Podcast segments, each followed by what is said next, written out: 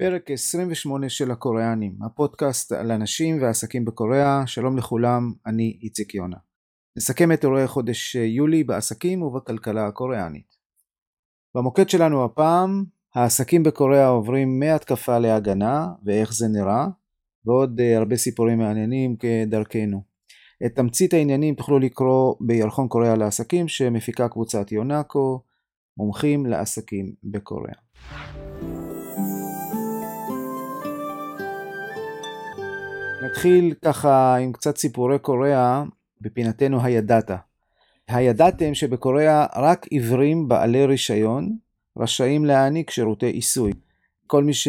מישהו אחר שמעניק שירותי עיסוי בעצם עובר על החוק וצפוי לקנסות ולעיקולים וכולי וכולי. מה המטרה של החוק הזה? החוק הזה בעצם בין 60 שנה בערך. אחרי אה, מלחמת קוריאה רצו להבטיח הכנסה לבעלי מגבלות ראייה. פעם הם היו עוסקים כולם בכל מיני הילינג, קריאת מזלות ברחובות וכל מיני דברים שהשלטון לא כך, אה, לא כך אהב. ולכן אמרו בואו ניתן להם איזשהו אה, תחום שיהיה התחום שלהם, ניתן את זה ברישיון רק להם, וכך אנחנו נדאג שהם לא יתעסקו בכל מיני דברים אה, שאנחנו לא כך אוהבים. בתכלס, החוק הזה לא כל כך נאכף, ואפשר היום למצוא שירותי עיסוי בקוריאה מכל סוג וצבע, יש גם המון תאילנדים שמגיעים לקוריאה לתקופות קצרות ומעניקים שירותי עיסוי, כמובן בבעלות קוריאנית, אבל בכל מקרה, מי שמגיע לקוריאה בפעם הראשונה ומסתובב ברחובות, יש לו איזושהי ציפייה, במיוחד אם הוא מסתובב באסיה, יש לו איזו ציפייה לראות uh, שלטים של מסאז' uh, בכל uh, פינת רחוב, אז חד משמעית תאילנד זה לא, ושירותי העיסוי הקוריאנים לא מיועדים כל כך לתיירים. אפשר כמובן להקדיש לנושא הזה פרק שלם, אולי אפילו שניים, אה, למבוגרים בלבד, אבל אני אשאיר את זה אולי לתקופות אחרות.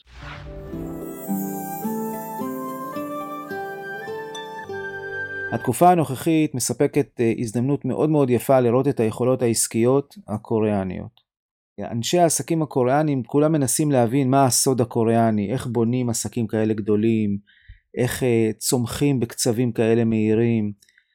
אחד הדברים, אחת הסיבות, טמונה ביכולת של ההנהלה הקוריאנית, של בעלי העסקים הגדולים, לנווט את העסקים הענקיים שלהם בתקופות של משבר ובתקופות של צמיחה. יש להם, uh, לאנשים האלה, חושים חדים מאוד מאוד, ויכולת מאוד מאוד מוכחת של קבלת החלטות מהירה ויישום מהיר של ההחלטות שלהם. אז זה מאוד מאוד אגרסיביים בתקופות של צמיחה, כמו שהיו בשנים האחרונות, אני חושב מ-2009 וצפונה עד, אה, עד לפני כמה חודשים, אבל מצד שני הם יודעים לזהות הרבה מראש ולפני כולם אם התנאים העסקיים עומדים להשתנות, והם יודעים להעביר את כל המפלצות הענקיות האלה מהתקפה להגנה, עם כל העוצמה שלהם, בהתאם לתנאים שהם קורים בשטח. והתקופה הזאת זה בדיוק תקופה של מעבר מתקופה של צמיחה לתקופה של אי ודאות, ובואו נראה איך הקוריאנים מתייחסים, איך הם קוראים את השטח ואיך הם מגיבים בהתאם. ואחר כך נראה איך, איך זה היה נראה בישראל. הנה כמה דוגמאות. נתחיל בשוק השוק הכי בולט, זה שוק המיזוגים והרכישות. השוק הזה מתקרר על רקע חוסר הוודאות הכללית, אבל גם כמובן על רגע ההתייקרות של אה, מקורות המימון. סך כל העסקאות במחצית הראשונה של 2022 ירד ביותר משליש יחסית לתקופה המקבילה אשתקד, וסך כל העסקאות הסתכמו ב-14 מיליארד דולר. הייתה רק עסקה אחת של אה, מיליארד דולר, מה שמראה שכל העסקאות היו יחסית קטנות, שנה שעברה היו עסקאות, מאוד, הרבה מאוד עסקאות גדולות, וככה אנחנו רואים שהם כבר מתחילים להבין שצריך להוריד את הרגל מהגז ולחסוך במזומנים. זה, ה, זה המטרה, כשאתה מנהל ענקיות כאלה, אתה חייב להיות כל הזמן עם, עם אה, עין על חשבון הבנק שלך, כדי לראות שאתה יודע לממן את הפעילות שלך בעתיד. עכשיו, בגלל העננ, העננות שמצטברות והאי הוודאות בתחום הכלכלי, רואים שכל הפירמות הקוריאניות הגדולות מתחילות לחפש איפה הן חוסכות במזומנים, בין השאר על ידי מיזוג של פעילויות. דוגמאות, יש קונצרן שנקרא הנווה, מי שבתחום ה-security, בתחום הביטחון מכיר אותו.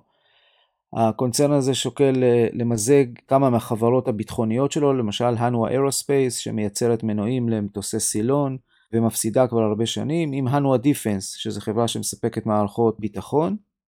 זה שתי, שתי גופים ענקיים תחת ל, מתחת להנואה, ושני הגופים האלה הולכים להתמזג בגלל שההנהלה שיושבת, משפחת קים שיושבת בראש קונצרן הנואה, מזהה שהעסק מתחיל להיות לא כמו שהיה בעבר, והם צריכים לארגן את הפעילות שלהם מחדש. בקונצרן לוטה שוקלים למזג את הפעילויות שלהם, אני חושב שהם כבר עשו את זה, את אה, הפעילויות שלהם בתחום המזון. אה, לוטה הוא ממש יצרן מוביל, הוא מספר 2 בתחום המזון בקוריאה. הם מיזגו שתי פעילויות שלהם, את לוטה פוד עם, אה, עם עוד חברת עוגיות וכדומה, אחרת שהייתה להם, על מנת לחסוך בעלויות. תאגיד התקשורת הגדול קייטי מיזג את כל פעילויות השידורים שלו עם פעילויות הסטרימינג שלו ועוד ועוד ועוד. אנחנו רואים כל זה, אנחנו מדברים רק בחודשים האחרונים, לא פעילויות של שנה. תיקחו בחשבון כמה זמן לוקח לקבל החלטות כאלה וכמה זמן הולך ל... לוקח ליישם אותן. במקביל, כל החברות הקוריאניות הגדולות מוכרות פעילויות שהן לא בליבת העסקים שלהן.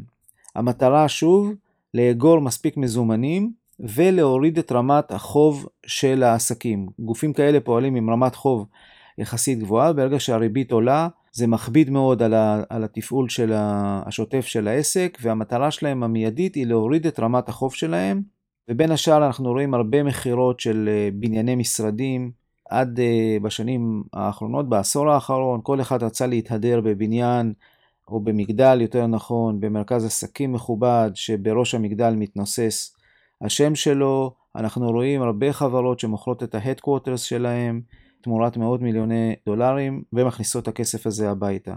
מוכרים החזקות של חברות uh, קטנות, מוכרים uh, עסקים בחו"ל שהם לא ממש בליבת העסקים שלהם. דוגמה, SK מכרה את החלק שלה בערך שליש במנהרה תת-ימית שהם uh, בנו בטורקיה לשותפה שלה מקטר.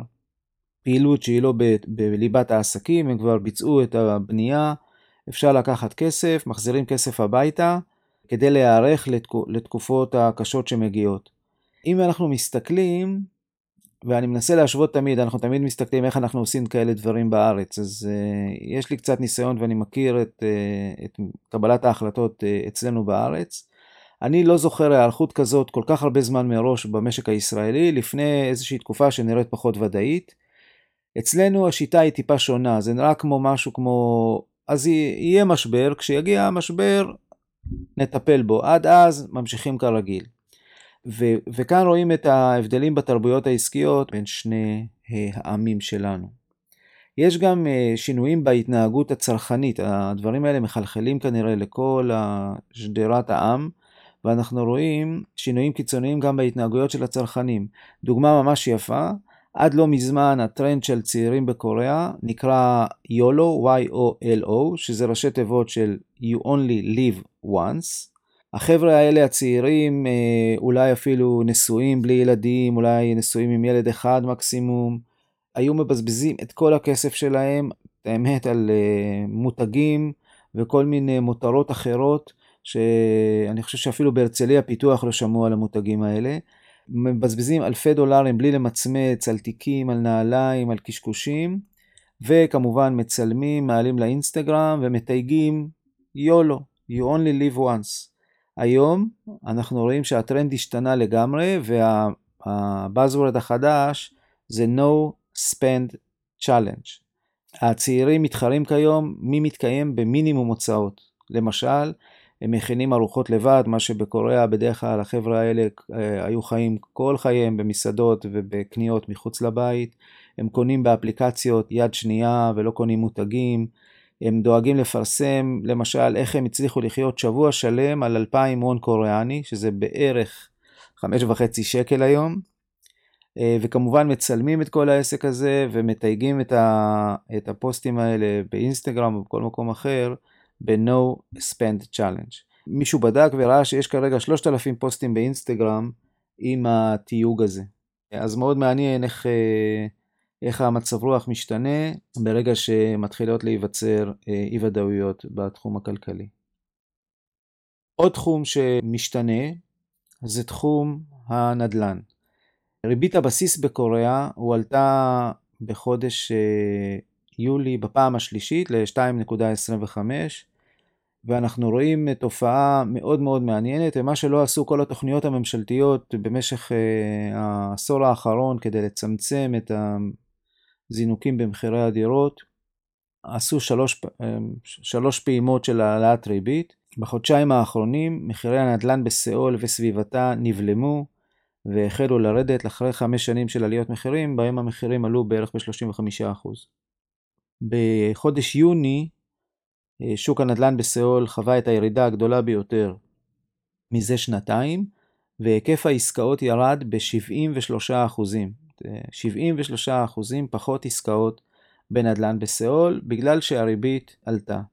כמובן שהרקע של זה, זה גם העלייה של הריבית, אבל במקביל, הקוריאנים מחזיקים חוב עצום של בערך 2 טריליון דולר על הדירות שלהם בקוריאה.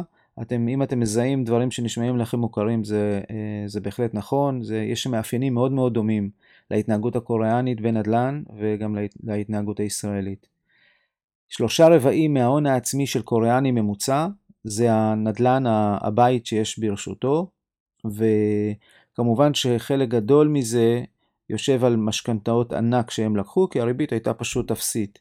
מומחים קוריאנים מעריכים שעלייה נוספת של אחוז וחצי בשערי הריבית, שזה יכול לקרות תוך חודש-חודשיים, תעביר יותר מחצי מיליון קוריאנים שיש להם משכנתה לחדלות פירעון. והנתון של חובות משקי הבית הקוריאנים הגיע לשיא בתקופת הקורונה של 104% מהתוצר המקומי הגולמי של קוריאה, זה השיעור הגדול בעולם המפותח, בין מדינות ה-OECD. כמובן שהקוריאנים יושבים, כל החבר'ה עם האיגולדים ומתכננים מה לעשות, אז חלק מהפתרונות uh, שמציעים זה חבילת חילוץ שתעביר חלק מההלוואות בריבית משתנה, כמו אצלנו, גם בקוריאה, 80% מן המשכנתאות אצלנו אני חושב שזה טיפה פחות, אבל בקוריאה 80% מהמשכנתאות הן בריבית משתנה. יעברו, התוכנית שהם יעברו, חלק מזה יעבור לריבית קבועה, ונשקל גם להאריך את תקופת המשכנתה ל-50 שנה. ואז בעצם הפריסה של המשכנתה תקל על התשלומים החודשיים, ומה יהיה עוד 50 שנה שיסתדרו אז. אם כל זה נשמע לכם מוכר, והמוזיקה הזאת נשמעת לכם מוכרת, אז אה, תתכוננו.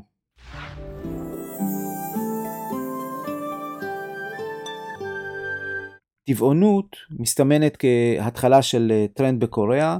פעם, כשאני הגעתי לקוריאה לפני 20 שנה, חיפשתי, ואני שומר כשרות, אז חיפשתי איזה מסעדה טבעונית או צמחונית. אנשים לא הבינו על מה אתה מדבר, כאילו זה... אפילו פעם נכנסתי למסעדה שהכותרת שלה במרכז קניות קויקס, אה, שזה מקום שהרבה תיירים מסתובבים, שהשלט מחוץ למסעדה היה, היה vegetarian restaurant. וכל כך הייתי מאושר, שסוף סוף מצאתי מסעדה צמחונית, נכנסתי לתוך המסעדה והזמנתי מה, מה שהזמנתי, ואחרי זה שאלתי אותם, מה עוד יש לכם כדי שאני אדע מה, מה להזמין בפעם הבאה?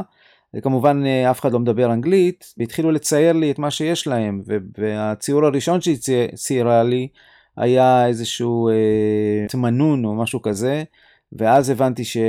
שהסתבכתי. היום אנחנו רואים טרנד ממש יפה של אה, אה, טבעונות. הטרנד הזה מגיע פחות מהשוק ויותר ממי שמנהל את השוק. מי שמנהל את השוק זה יצרני המזון הקוריאניות הגדולות. הם מכוונים הרבה מאוד לשוק הבינלאומי ורוצים, בדרך כלל קוריאנים מנסים את הכל בבית ומוציאים את זה החוצה.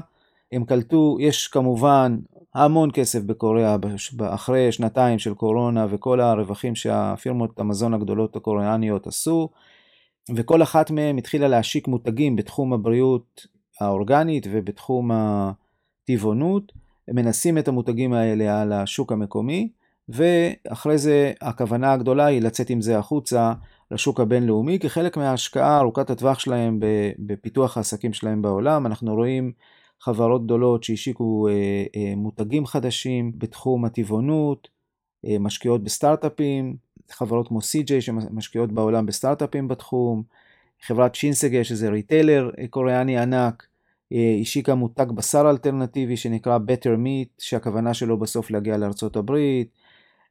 יש רשת מסעדות טבעוניות בשם Plantwood, שנפרסת בקוריאה בשותפות בין שני מותגי מזון גדולים. יש המון פעילות בתחום. ואנחנו רואים שהקוריאנים מגיבים יחסית בהתאם, זה עדיין לא טרנד מטורף. שוק הטבעונות בקוריאה מוערך כיום בערך בחצי מיליארד דולר, אבל אנחנו רואים כל הזמן מוצרים חדשים שמושקים לשוק. אם פעם כל התחום הזה היה תחום של נשים בלבד, היום אנחנו רואים שזה גם אנשים וגם החברים הצעירים שלהם, כאשר הן צעירות או נשים מבוגרות. זה בעצם, ה... זה בעצם הקהל כרגע, אבל ברגע שזה מתחיל, ויש מי שמניע את זה, אנחנו... תעצמו את העיניים ותפתחו ואתם תראו עשרות אחוזי קוריאנים טבעונים עוד איזה שנה,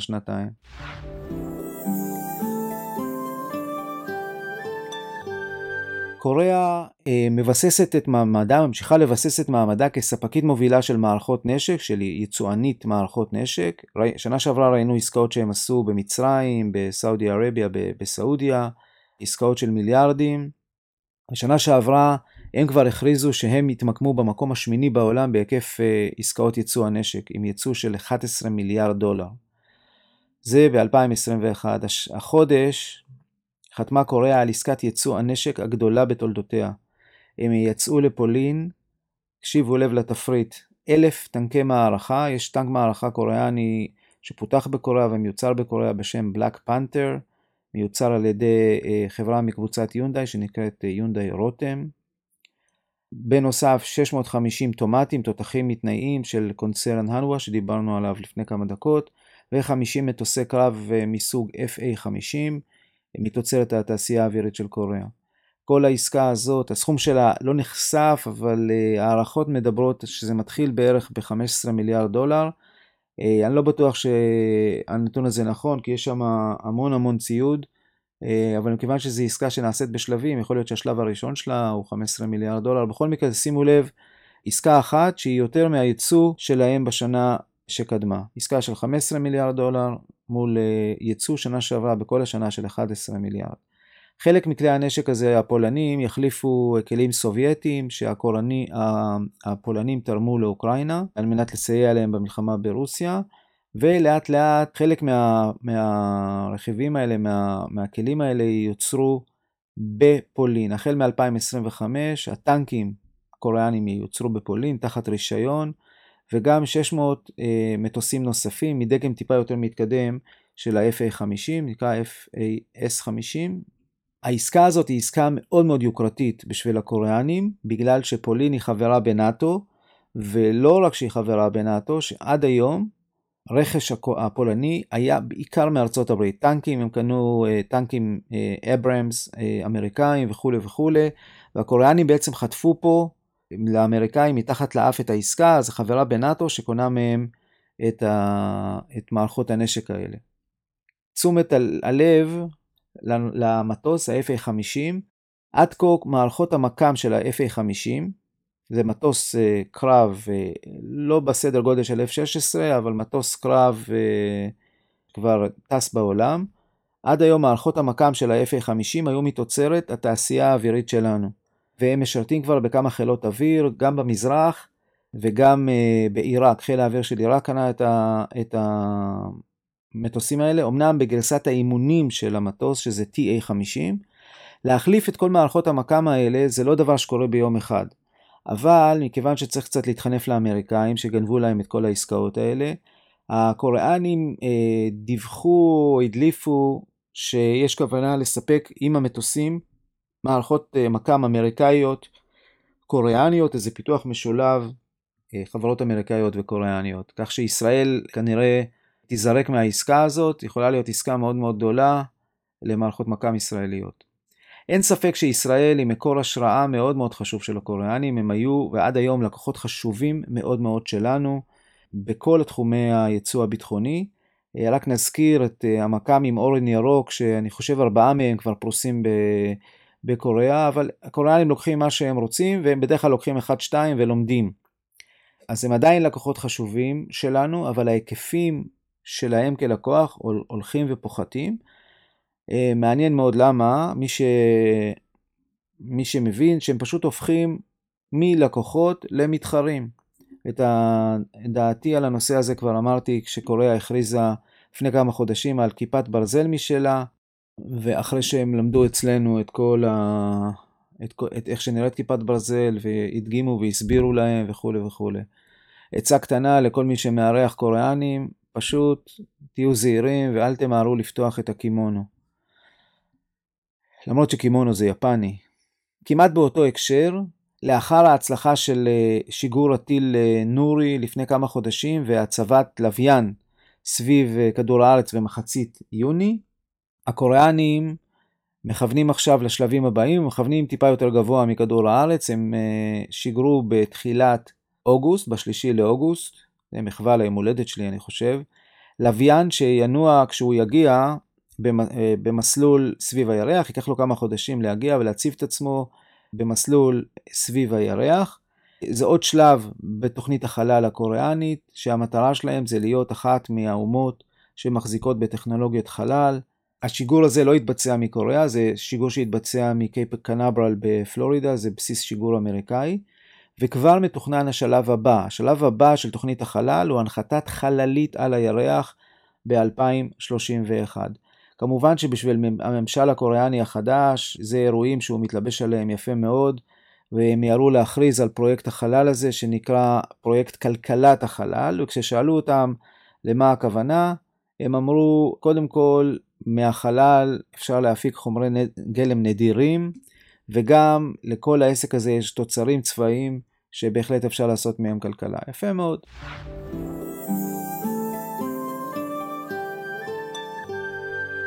עכשיו לפינתנו בקצרה כמה שורות על, על כל מיני דברים מעניינים שקרו. קודם כל תקשיבו לסטארט-אפ קוריאני.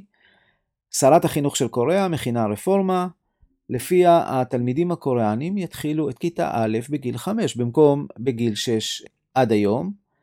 את האמת בינינו לא בטוח שהילדים הקוריאנים ירגישו בהבדל הגדול, מכיוון שגם היום בגן הילדים בקוריאה לא משחקים, בגן הילדים בקוריאה לומדים. אז פשוט יתחילו, את הלימודים האלה יעשו בבית ספר במקום לעשות בגן, אולי יחסכו להם איזה שנה של, אה, של תסכול וסבל, ובכל מקרה, זה גישה די מעניינת שפותרת כמה מהבעיות הקוריאניות. א', קצת פחות לחץ על הילדים, בכל מקרה בגילאים הנמוכים, ומצד שני, זה משחרר בסופו של דבר הרבה יותר אנשים לשוק העבודה יותר מוקדם. הנה משהו שקשור לזה. הביקוש לשבבים בעולם כמובן מרקיע שחקים ויש לכל מדינה מהשחקניות הגדולות תוכניות ענקיות איך, איך לתפוס יותר נתחי שוק ולעשות להם אה, בסיס ייצור של שבבים. גם הברית משחקת, סין, טיוואן, כולם משקיעים בזה המון כסף. כסף יש בתחום כמעט בלי הגבלה. הבעיה הגדולה בתחום השבבים זה מומחים לשבבים, זה אנשים שלמדו ויודעים להתעסק בתעשייה וכל המדינות בעולם נמצאות במרוץ אחרי גידול וקליטה של המומחים האלה. מה שממשלת קוריאה עשתה עכשיו, הם נתנו אישור עד היום אה, לפתוח מחלקה או לפתוח עוד כיתה לכל, בכל תחום, בעיקר בתחומי ההנדסה, צריך אישור ממשלתי. כרגע נפתח אישור גורף לכל אוניברסיטה שרוצה לפתוח מחלקות לשבבים, ללא הגבלה, וככל שהם רוצים, שיפתחו כמה שיותר מחלקות ושיקלטו כמה שיותר ילדים שילמדו את התחום. עכשיו תחשבו על האייטם הקודם, מחזור שלם של ילדים שמשתחרר בעצם לשוק, לשוק העבודה, שנה לפני המתוכנן. אני חושב שגם הצבא הקוריאני ישמח לקבל את הילדים האלה אולי שנה לפני זה, אני לא יודע עד כמה בשלים הם יהיו, אני מקווה שהם יהיו, אבל גם כל האוניברסיטאות ושוק העבודה שיקבל את כל החבר'ה האלה שנה אחת מוקדם יותר. זה לא הרבה יותר, הרבה מאוד ילדים, מספר הילדים בקוריאה, בקוריאה הולך ומצטמצם, אז אם ישחררו חבר'ה קצת, אה, כמה מאות אלפי ילדים קצת יותר מוקדם, זה בהחלט יכול להרגיע באיזשהו שלב את ההשפעה של הירידה באוכלוסייה ובכלל באוכלוסיית הילדים בקוריאה. רק לציין, אני חושב שציינתי את זה פעם, בשנת 1970 היו בקוריאה מיליון לידות. 1970, זה 50 שנה. השנה יהיו בקוריאה בערך 250 אלף לידות. אז תעשו חשבון על ההשפעות של הדברים האלה. למי שמתעניין מה קורה בענייני קורונה בקוריאה, אנחנו ראינו ירידה מאוד מאוד יפה במספר הנדבקים, עד שבתחילת יוני, במהלך יוני, המספרים ירדו למתחת לעשרת אלפים נדבקים ביום, אבל לאט לאט הקצב הולך ועולה, כך שבסוף יולי ובמחצית אוגוסט המספרים היומיים מגיעים ל-100 אלף נדבקים ביום, ולצערנו יחד איתם נלווים גם כ-50 נפטרים ביום.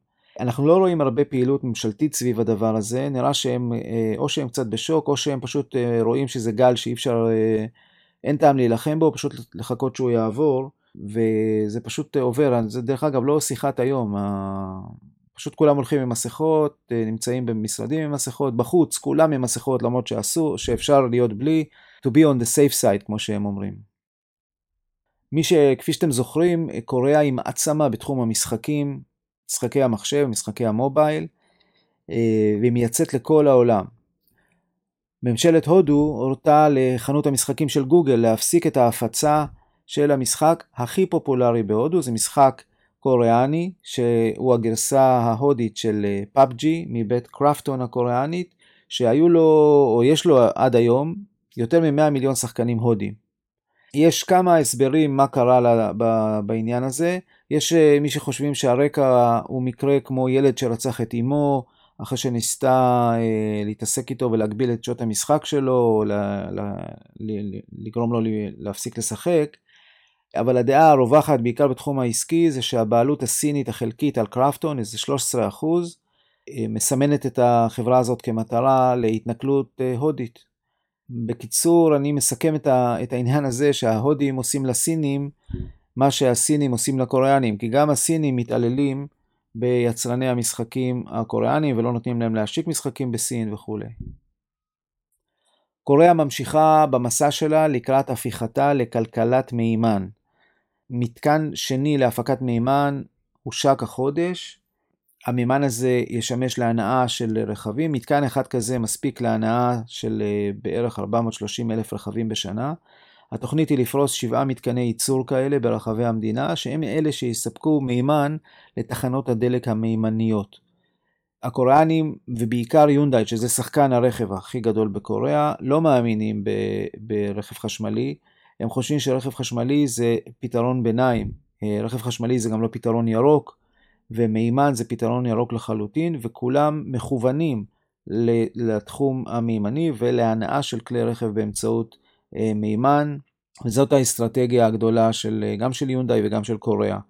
באזור סאול כבר פרוסות 33 תחנות תדלוק, במימן, והכוונה היא כמובן להגדיל ולפרוס את כל הרשת כדי שיגיעו הרכבים, כבר אפשר יהיה לקיים את כל האקוסיסטם סביב הדבר הזה. בחמש שנים האחרונות, זה התקופה של שלטון השמאל בקוריאה, של, של הנשיא אה, מון, עלה שכר המינימום בקוריאה בערך ב-42%. הם פשוט היו יותר סוציאליסטים, העלו בנדיבות את שכר המינימום, ההשפעה של זה היא פשוט מיידית על הרווחיות של העסקים שמעסיקים המון כוח אדם. מי מעסיק המון כוח אדם? כמובן במפעלים ובתעשיית הקמעונאות, שכל כל סופרמרקט, כל department store, כל convenience store וכל מקדונלדס מחזיק המון המון עובדים במשמרות ויש פה המון השפעה של שכר המינימום על הרווחיות של העסקים האלה. אחד הפתרונות שמסתמנים הוא מעבר יותר ויותר לחנויות לא מאוישות בגזר, במגזר הקמעונאי. לדוגמה במגזר חנויות הנוחות, בקוריאה יש כמעט 33 אלף חנויות נוחות, והמגזר הזה הוא מאוד מאוד דומיננטי, בגלל שאם אתם זוכרים שדיברנו על זה שיש היום בקוריאה, אה, המגזר הכי גדול של משפחות זה משפחות של בן אדם אחד. האנשים האלה לא הולכים לסופר ולא לרמי לוי ולא לקוסטקו. הם יורדים למטה, קונים את מה שהם צריכים אה, בקופסה קטנה אה, שאפשר לחמם במקום ועולים הביתה. יש בקוריאה 33 אלף חנויות נוחות שמשרתות את המגזר הזה שהולך וגדל. מתוכם כבר 2,800 חנויות שפועלות ללא צוות. אתה נכנס, קונה, משלם לבד והולך. לפני שלוש שנים היו רק 200 חנויות כאלה.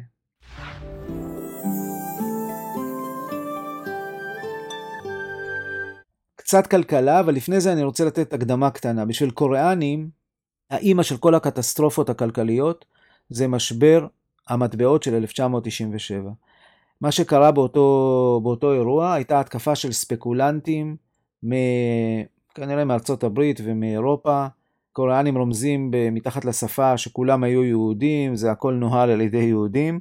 הספקולנטים האלה רוקנו את כל יתרות המטח של קוריאה. רוקנו, הכוונה היא שהנגיד הבנק המרכזי של קוריאה יושב מול מסך ורואה איך היתרות מטח שלו יורדות כל הזמן ואין לו יכולת למנוע את השאיבה הזאת של המטח. זה נעשה באמצעות תרגילים של אופציות ודברים כאלה, כך שהכלכלה נותרה בסוף ללא מטבע חוץ בכלל וממש על הקרשים.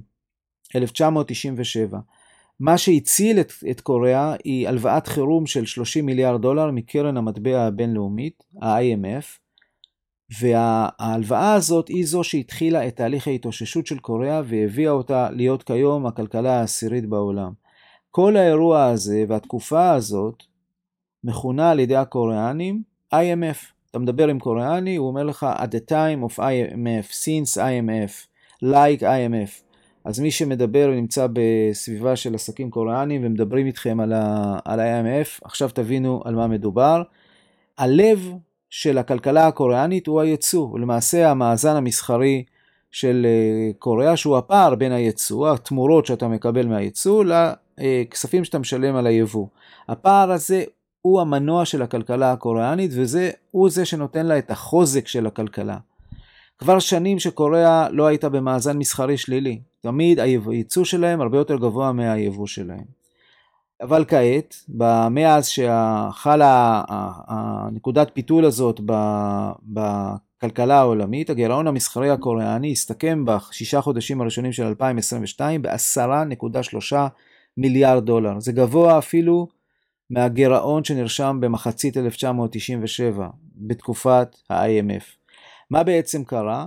היה מומנטום גדול של קניות במהלך הקורונה, אבל המומנטום הזה נרגע בגלל שאנשים חזרו להעדפות הרגילות שלהם, וגם התובלה הבינלאומית הייתה מאוד מאוד יקרה, זה הוריד את הביקושים למוצרים, זה הוריד את הייצוא הקוריאני, אבל מצד שני, המחירים שהקוריאנים שילמו על היבוא שלהם, המשיכו להיות גבוהים, בעיקר מחירי האנרגיה, שזה כמעט 15 עד 20 אחוז מהיבוא הקוריאני, ו... תטבלו את זה עם מטבע קוריאני בערכו הנמוך מזה 13 שנה, וזאת התוצאה.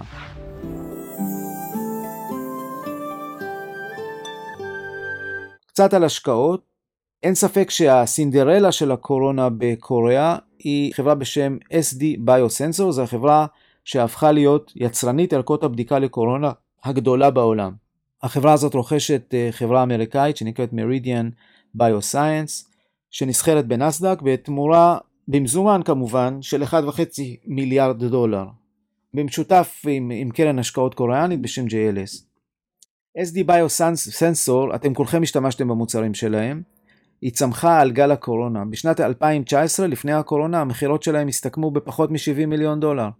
ב-2021, שנתיים וקצת אחרי זה, המכירות שלהם הגיעו ל-2.5 מיליארד דולר. וכמובן, הרווחים בהתאם, ויש המון המון כסף, וצריך לעשות עם זה משהו, אז עכשיו הם מתחילים לשלם במזומן ולקנות כל מיני דברים ברחבי העולם. חדשות מיונדאי, לראשונה אחרי 29 שנים, יונדאי תפנה מפעל לייצור כלי רכב בקוריאה.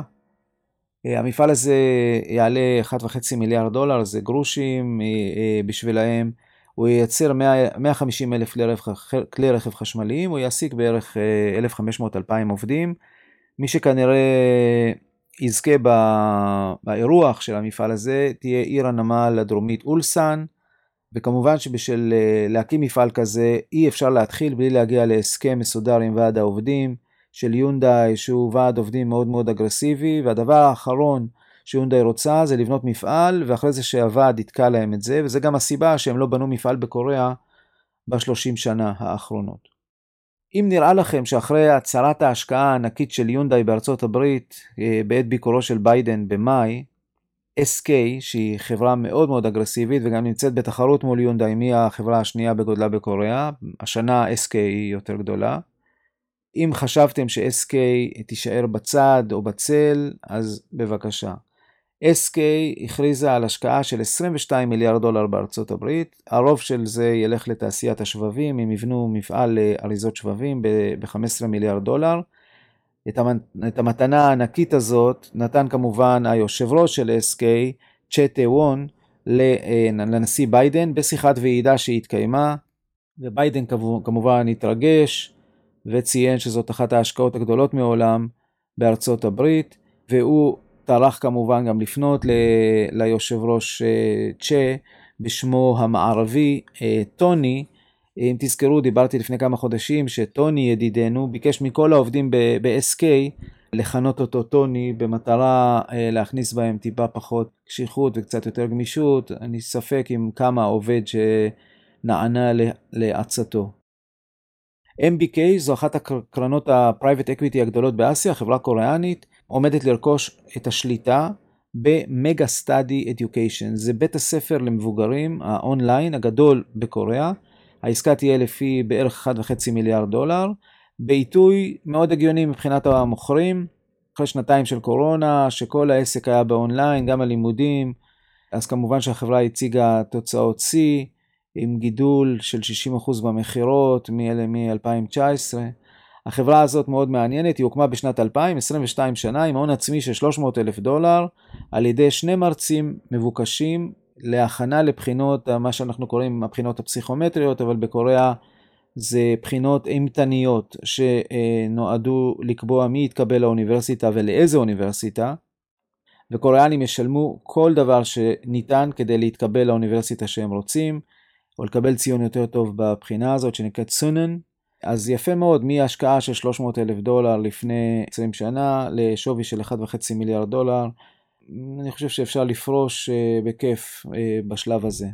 פוסקו יצרנית הפלדה החמישית בעולם, והשותפה שלה האינדונזית, חברה ממשלתית קוריאנית, ש... אה, אינדונזית שעיסוקה בייצור פלדה. ירחיבו ביחד את מערך הייצור שלהם באינדונזיה בתחום הפלדה בהשקעה של 3.5 מיליארד דולר. עכשיו הסיפור פה הוא בכלל לא ההשקעה הזאת. פוסקו חשוב לה מאוד להתקרב, להיות מחוברת יותר ויותר לשלטון באינדונזיה, בגלל שעומד להתפרסם מכרז ענק להעתקה של עיר הבירה ג'קרטה למקום אחר, שהמכרז עצמו הוא סדר גודל של 35 מיליארד דולר, וידידינו מפוסקו מאוד מאוד מאוד מעוניינים לקחת חלק במכרז הזה.